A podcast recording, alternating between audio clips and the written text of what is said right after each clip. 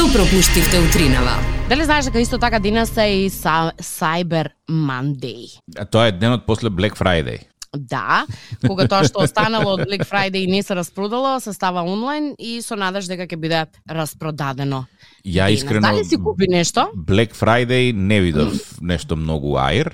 Mm -hmm. Очекував гужви, очекував народ да се тепа за, за работи, да моловиве празни. На онлайн сервисиве се нудеа попусти цел месец. Mm -hmm. Имаше при Black Friday, па пред Black Friday, па 3 days till Black Friday, па Black Friday и сега да ми кажат некои Cyber Monday, ќе бидам као со очите онака вув ќе си свртам Као, е, дај, крукчиња, жити као се, да, и жити се, да, така да.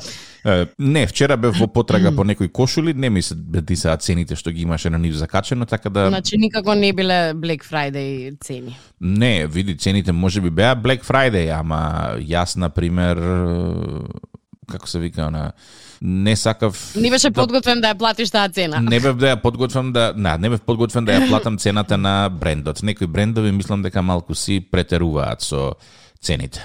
Знаеш што е многу м, трагично на таквите дејнови со попусти, да речеме, дека ти не си гледал на цената тогаш кога си го купил одредениот продукт и си сметал дека таа цена согласно со, да речам, марката е во ред. И сега поминува некое време, ти нештото си го носиш и случајно поминуваш низ истиот дуќан и гледаш дека нештото кое што ти си го платил 100%, сега е 50% и се чувствувам многу глупаво. Дека првенствено не сум дала толку пари за нешто кое што реално не вреди толку. Види, оние аутлети, дуќани и фирми кои што на вистина даваат попусти и го имаат тоа прерачунато во нивната конечна она пресметка за, за профит и кјар, ќе ти кажат, ние ти ја гарантираме најниската цена. Ако го најдеш на друго место поевтино, ќе ти ја покриеме разликата.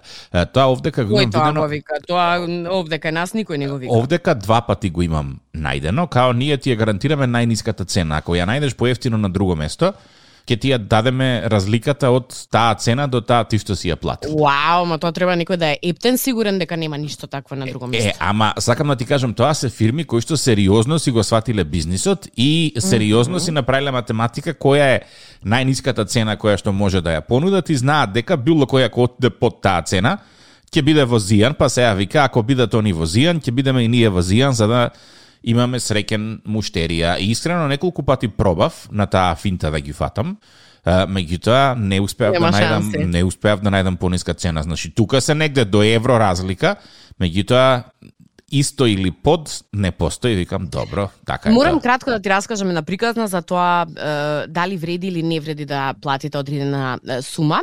Е, имено Зорка пред многу, многу, многу години имаше м, желба да купи е, на вистина многу е, не само топли, туку и квалитетни чизми и отиде во една продавница и така искешира фина сума на, на пари, нели, водејќи се од тоа дека ако не знаеш што е добро, види што е скапо. Си ги купив чизмите, си ги облеков, си ги наместив нели како што ми треба. Прво носење, второ носење, трето носење, оп, се отпара. Опа. Викам, не е можно. Бренте, сепак, нели, пак брендот говори за квалитетот. Ти веќе кога ги даваш парите си сигурна дека одредениот бренд ги задоволува твоите критериуми. И ајде, бидејќи нели имам се уште право на рекламација, одам јас во дуќанот и се погодува газдата таму. Велам вака и вака три пати само ги носев, значи се изнен... негативно сум изненадана што воопшто попушти, а јас не знам, не одев по планински региони, тука одев низ улици, значи ништо специјално. Е, прво ми дадо еден поглед и второто прашање беше, па ја не знам како си одела ти за вака да ти се отпара. Даде Зорка ти си крива сега, криво газиш. Што има тука И да се сега, дискутира? добро, еве и криво да газам во ред, е, се натегавме и реши газата дека нема да ми ги врати парите, туку ќе ми дозволи да си одберам е, во таа сума друг пар на кондори, бидејќи нели јас веќе на крајот бев видно вознемирана и викам не може е, да ми правите муабет дека јас криво сум газела Добро. и дека за три носења со криво газење сум ги уништила. Добро, ајде, земи си друг производ. Си зема друг производ и погоди што се случи. Истото. Повторно истото. Тоа ж дефинитивно крај- Зорке ти си таа која што гази Така, нели, така. јас да. сум така таа што гази. На крај некако крена фраца целата таа ситуација и реков дека ова е последен пат да дам толку пари за производ кој што наводно брендот е не знам ваков таков и онаков, а и мислам дека има разлика помеѓу условите и правата на купувачите кај нас и некаде во странство. Мислам тоа не би смело да се деси нити истите чизми да се три пати, пет пати поевтини, а не па да ги платиш убаво да ги преплатиш и на крај да испадна дека таа серија име не во ред фелер или како и да се вика. Да. Така што отварате многу, не четири очи, многу очи отварате кога купувате производи кои што се многу скапи, заради тоа што да на крај да не можете ни да изводите онаа војна која што реално нели не би требало ни да биде војна, туку би требало да биде вака и вака производите нешто имате проблем со производиве, не може за по три носења вака да се кине. Меѓутоа не, овде кај нас ретко да можеш да истераш правдата до крај, едноставно си останав и без чизми и без пари, но со многу лекција за воиднина како и од каде да се купува. Инаку само една мала помош да ти дадам, Дукенот повеќе не пусти. Одсто има преквалитетни обувки. Да, веројатно некој малку по и најтлив од мене ја дотерал работата до крај, Дукенот повеќе не пусти. Добро утро, студено утринава, некаде минус 2, минус 3 степени, дока и ќе се качи. Добро, топличко. Да. Ке се качи, но она што непријатно сум изненадена е што со намалувањето на температурите се искачува и бројот на загаденост. Да, тие ПМ частичките секој ден се повисоки, се повисоки.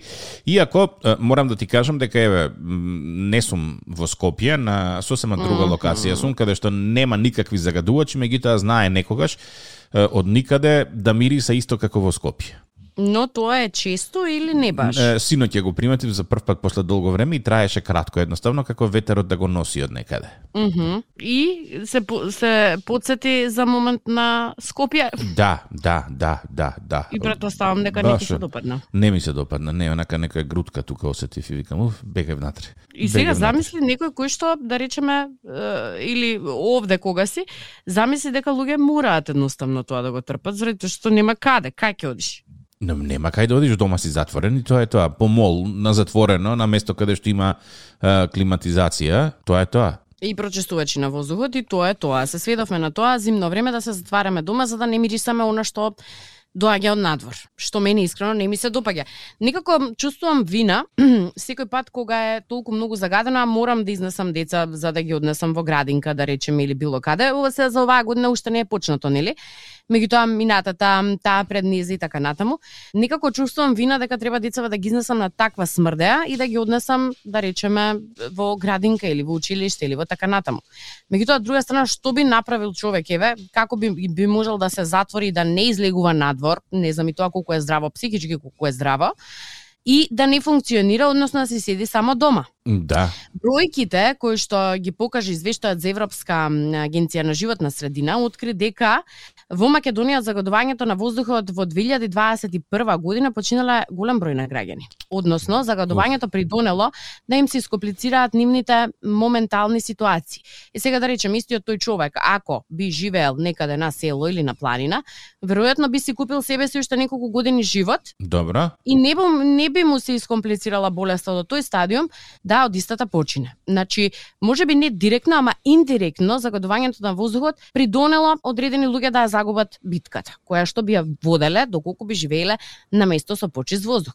Ама од друга страна, почнувам да гледам дека според извештаите сите градови кај нас, а и не само кај нас и во соседството веќе почнуваат да а, покажуваат загрижувачки резултати во смисла на тоа колку е загаден воздухот. И тоа години години назад, нели, апла се зборуваше, јавно се зборуваше и никој не најде до сега сходно или начин како да го изрегулира ова. Може би се направи одредени чекори, меѓутоа не е тоа тоа што ние го баравме да живееме на чист воздух. Мислам тоа тие воздух и вода, ти се две необходни работи за да живееш. Така е. Језиво е тоа. Добро. Језиво од друга страна, ако човек реши да речеме да замине од главниот град и да оди да живее во село. Да, Скопска Црна Гора на пример пример? Пример, му се комплицира процесот на извршување на секојдневните обврски. Затоа што мора да ама патува, па, а инфраструктурата да, не е баш И па треба да дојде во смрдејата, арно ама па поголем дел од денот го поминува на чист воздух. И сега прашањето е, што е она кое што е најбезболна варијанта? Најбезболна да варијанта е некоја да... средина златна која што не можеш да ја дефинираш во ситуацијава, меѓутоа чисто да ти дам еден пример. Качи се на водно горе на крстот mm -hmm. и гледај кон Скопје било кој зимски ден. Не можеш Како да го видиш. има. Да, па не да. тоа тоа ти ќе ти го посведочат и луѓето кои што живеат на повисоките места околу Скопје. Да речеме имам пријатели кои што живеат а, во Сонје и од таму гледката кон Скопје е застрашувачка. Како да сме прекриени со кебенце, со јорганче. Не се гледа. И многу често а, кога горе е сончево, доле знае да биде м, па малта не и облачно скоро, односно да се пригледува некако сонцето низ таа магла. И дали воопшто е магла? Па кој знае што е. Не знам, овој извештај кој што Сабајлево го сретнав сосем случајно на социјалните мрежи ме потикна да размислувам за тоа што може ние да си направиме за себе си за да живееме малку поквалитетно. Доаѓа оној период од годината кога на големо ќе почне да мириса она што да се чувствува всушност она, Она што што, мириса. што го живееме, да, и она што го живееме и она што мириса и почнува да ме фаќа истата паника како години години наназад. Дефинитивно поквалитетен, далеку поквалитетен живот живеат оние кои што живеат а, во чистите места, односно во не толку населените места. Од друга страна, дали е правилно да се изнесе семејството и да се живее некаде во приградските населби, па да ги носиш само одреден период во денот назад во, во смрдејата, па да ги вадиш повторно, или едноставно да се помериш со судбината и да се живееш во смрдејата и да чекаш кога ќе дувне ветре за да го исчисти градот. Е, сега најдов податоци за 12 најзагадени градови во Европа, е, така да ако сакаш да избегнеш од загаденото ќе мора далеку да одиш. Од тие 12 градови 11 се на Балканот. Сараево е најзагаден град, на второ место Скопје, трето место Загреб, четврто место Белград, петто место Атина, шесто место Софија, седмо место Букурешт. Е, Десето, осмо и девето е, не се на Балканот, е, Индија, во Индија се, десето место Тирана, 12 место Приштина.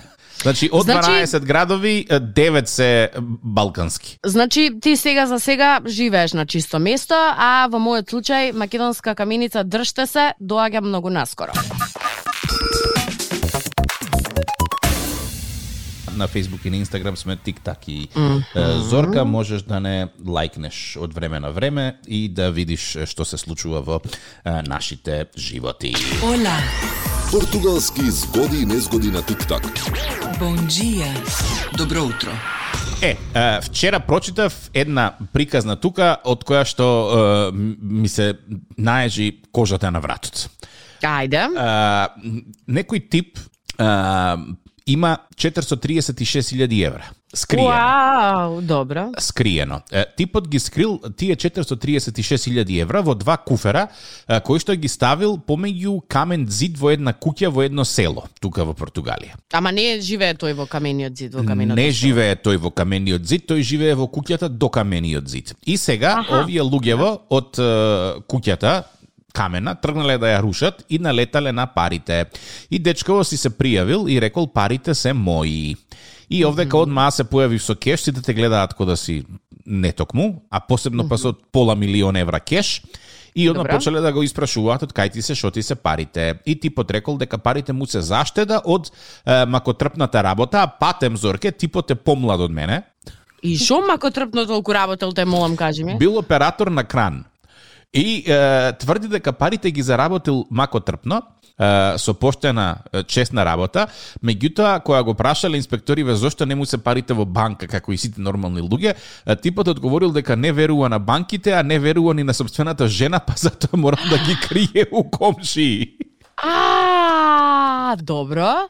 И сега дали комшиеве имаат право затоа што реално ги користел кај нив, ни- во нивниот простор да ги чува. Не, комшиите не, не, не ги бараат парите, меѓутоа државата ги бара парите, вика нема шанси ти да имаш друже 436.000 евра заштеда од честна работа. Значи овде се така направени деноците да од возење кран нема, Нема да имаш шанси. 436.000 и сега државата вика ние ќе ти ги конфискуваме парите, човекот вика не бежи ми мајка од честна работа се сработени и тоа е драма која што оваа недела тука ќе се развива, а јас со внимание ќе ја следам да видам што ќе се да случи со парите. луѓето си ги а, ова е како пренесено во медиуми и луѓево Да, да, да, да, да, да, да, ова е- ова е во, ова излезе вчера во медиуми како ексклу- ексклузивна вест. Значи, на времето вика Кирко да си најдеш министер, Кирко да си најдеш доктор, да си најдеш, не знам, адвокат. Сега викаат Кирко да си најдеш возач на кран. Или некој што има волку пари. 436.000 евра во нечиј цит пикнато искриено. Вау. Абе, се друго нешто мене ме интересира. Каков куфер е тој што не пропушта вода и Е, снег? Samsonite. Ау, и купил токав куфер за да ги складира. И како ги редал многу ме интересира. Мене Вака, друго нешто, мене или- друго нешто ме ме Шо? ме ме, ме мачи. Секој со својата болка. Овде е невозможно да најдеш новчаница поголема од 50 евра, а и тие од 50 евра најчесто се многу ретки. Евентуално во банка на шалтер да ти ги дадат, а да стасаш во банка на шалтер ти е mission impossible. Значи, ако Добра. вадиш пари од банкомат, лимитиран си на 200 евра дневно, и тоа ти ги дава како е, 9 банкноти по е, 20 евра и две банкноти по 10 евра. По дефолт. Сега со новчаникот, вака крцка, мислиш кој знае колку пари имаш и немаш ништо. Да, новчаникот буквално дебел, а внатре ништо. 436.000 евра зорке во новчаници од по 20 евра се 21.800 новчаници од 20 евра. Ти можеш да ти кажам нешто? Пред да ги затворам во куфер како човеков, а нема да ги затворам во куфер, прво би си ги распослала на спалната. Па после тоа би ги собрала вака во едно кутивче и низ дома вака би ги пуштала. Чисто за да ми помине оној кејфот, а после тоа би мислела како ќе ги складирам. Убаво на времето кај нас му текне на некој да, да шверца Летки. 150.000 евра во шише. Тоа се 300 новчаници од по 500 евра. Ајде да го видам нека прошврца 150.000 евра. Не, мене друга 20. работа ме интересира. Дали жената е се уште со типот со парите? Не знам, денеска очекувам да видам што ќе излезе по интернационално да изјавиш дека не веруваш на жената, иако мислам дека добро, може да се премиш за толку. Видиш како како си легна на Не брасно. ми веруваше имаше право на тоа. Не знам, не. Ја би била увредена многу така да изјави на национална телевизија, не верувам на жената. Е па ќе видиш. Очекувам детали денеска, па ќе те апдейтирам што и како се случува. Ајде ба.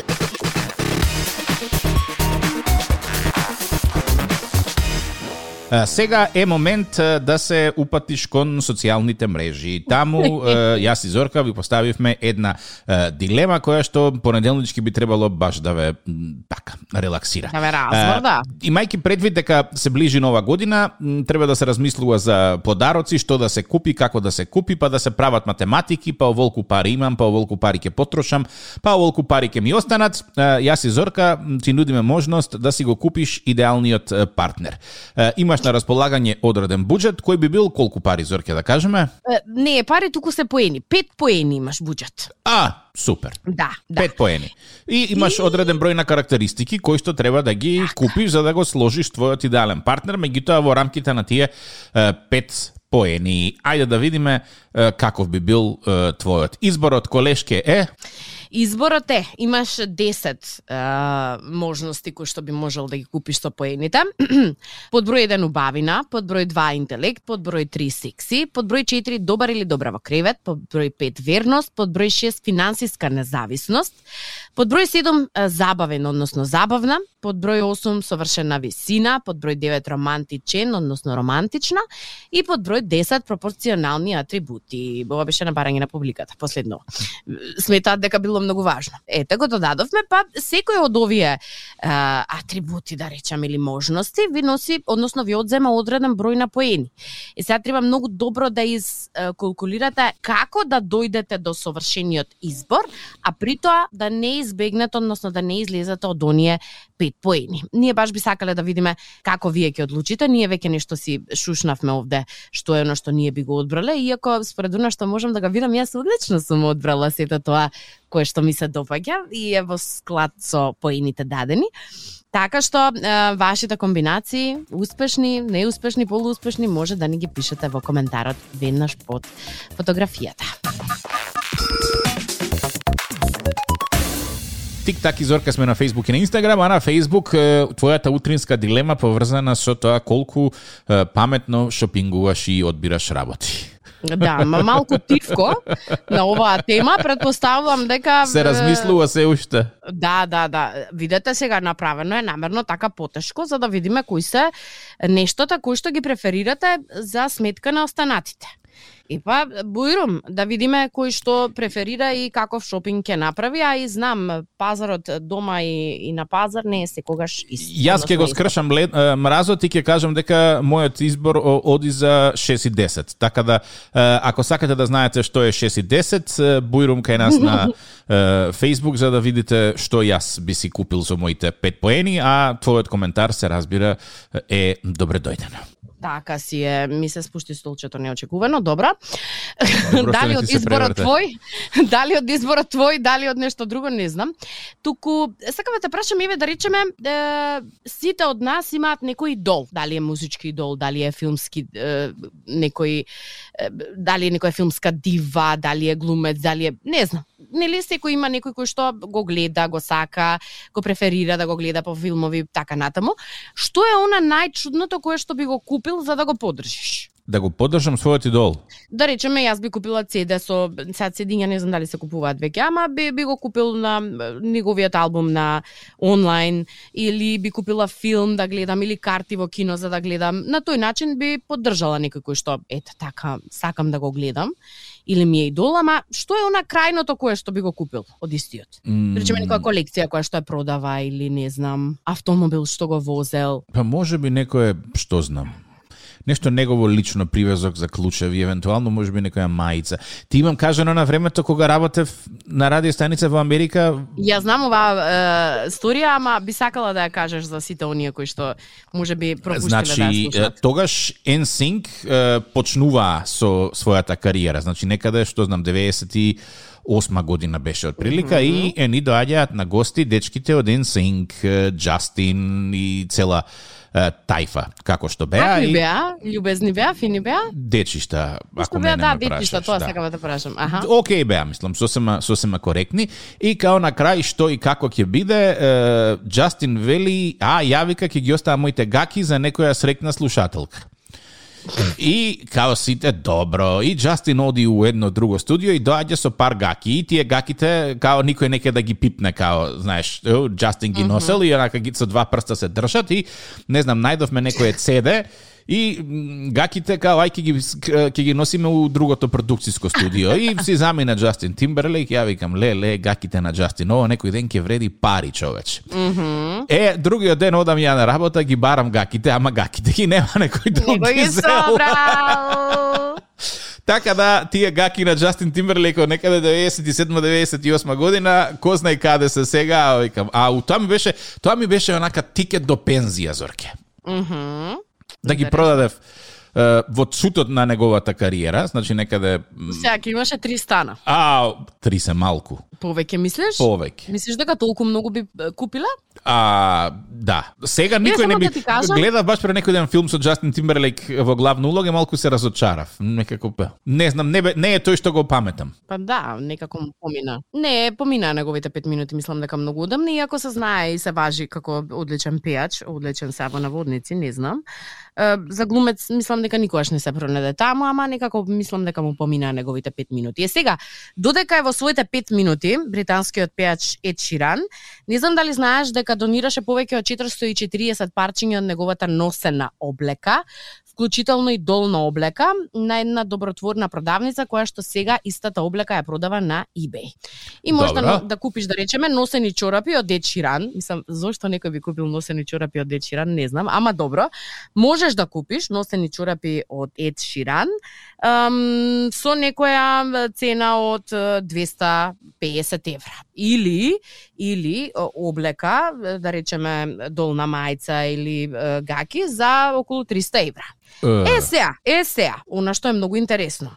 Оние кои што ја купувале долната облека на Sheeran на социјалните мрежи ја опишале како одвратна, бидејќи на истата имало а, влакна од мачка и некои чудни дамки, мислам ја не знам што очекувате на носена облека, меѓутоа овие артикли кои што се е, со влакна од мачки на нив, ги објаснува моментот дека Ед Ширан е познат љубител на мачки, Добро. а пред неколку години дури отвори профил на Инстаграм за своите миленици. А друга работа околу одвратното и неодвратното. Добро. Што правеле тие што ја купиле облеката на носена на Ед Ширан, па сега ја дефинираат како одвратна? Не знам. А, е, добро, не ја испрале онака чисто информативно? Па претпоставувам дека не. Е, Носена. И еве треба да прашаме на друга работа. Колку треба е Нели и Пепер се сложи, вика, се, се, се, знае дека се пере облека. се пере, ама не, друго сакав да кажам, веќе ако е носена, значи таа е со се тоа кое што нели може да остане, да речеме кај мејцава под, кај чарапите мирис на ноџиња и така натаму. Што очекуваат тие што купуваат дека ќе добијат? Дека нозете му мирисаат на лаванда? Па дека не да. се поти туку произведува ванила? Што? М, Е Черан може би е познат пејач и во зенитот на својата популарност така натаму, меѓутоа исто се поти, исто мириса како повеќето од нас. Шокиран сум. Дали ти различно мирисаш сега од пред 10 години да речеме? Е, да, ја, тоа е научно докажано, значи постоеше документарец на Netflix кој што покажува дека луѓето е, како стареат мирисот им се менува. Ма добра, ма сакам да кажам сега не произведуваш лаванда. Не, не, не, не. Тоа сакам да те прашам, не дека сега ако повеќе луѓето те знаат или ако си далеку попопуларен од пред 10 години, сега мирисаш на лаванда. Апсолутно Тука е некаде мирисот, нели? Тоа е тоа што се произведува, се знае што произведува човечкото тело. Да. Произведува пот, произведува работат потни жлезди, така мислам да бидеме логични сега. Е како сакате да мириса Ед Ширан? Што очекувавте тие што ја купивте обликата? Тоа многу ме интересира да го прашам што очекуваше.